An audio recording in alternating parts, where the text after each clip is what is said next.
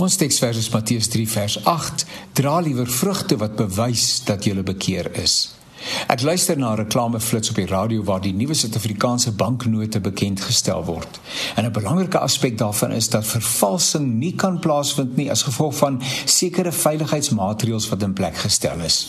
Hou jy die note teen die lig word gesê vertoon Mandela se beeld op 'n bepaalde manier ensovoorts ensovoorts. Nou ja, misdadigers vind altyd 'n manier om 'n saak wat hulle nie pas nie te omseil.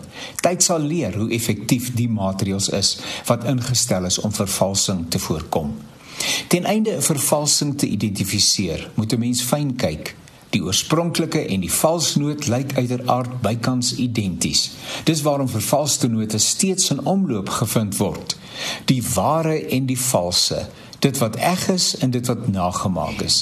Die een is die ware Jakob en die ander een is niks werd nie.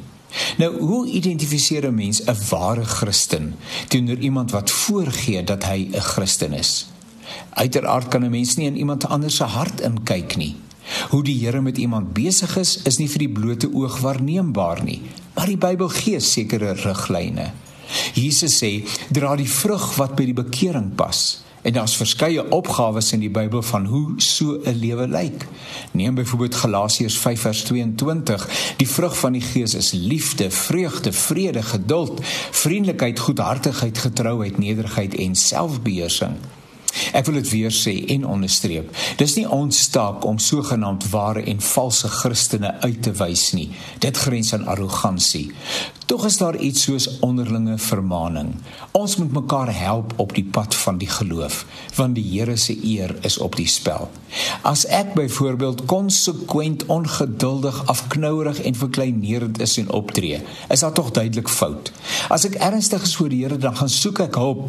Miskien is daar 'n onderliggende oorsaak, maar as ek myself in hierdie optrede van my bly verskoon en hartvogtig optree teenoor ander, dan kan 'n mens inderdaad vra of die betekenis van die nuwe lewe in Christus Jesus daadwerklik in my lewe deurgesuur het. Ons moet eg wees. Ons moet mekaar in die verband help en ondersteun. Ons is op die weg van heiligmaking en vertoon al hoe meer die karakter van Jesus.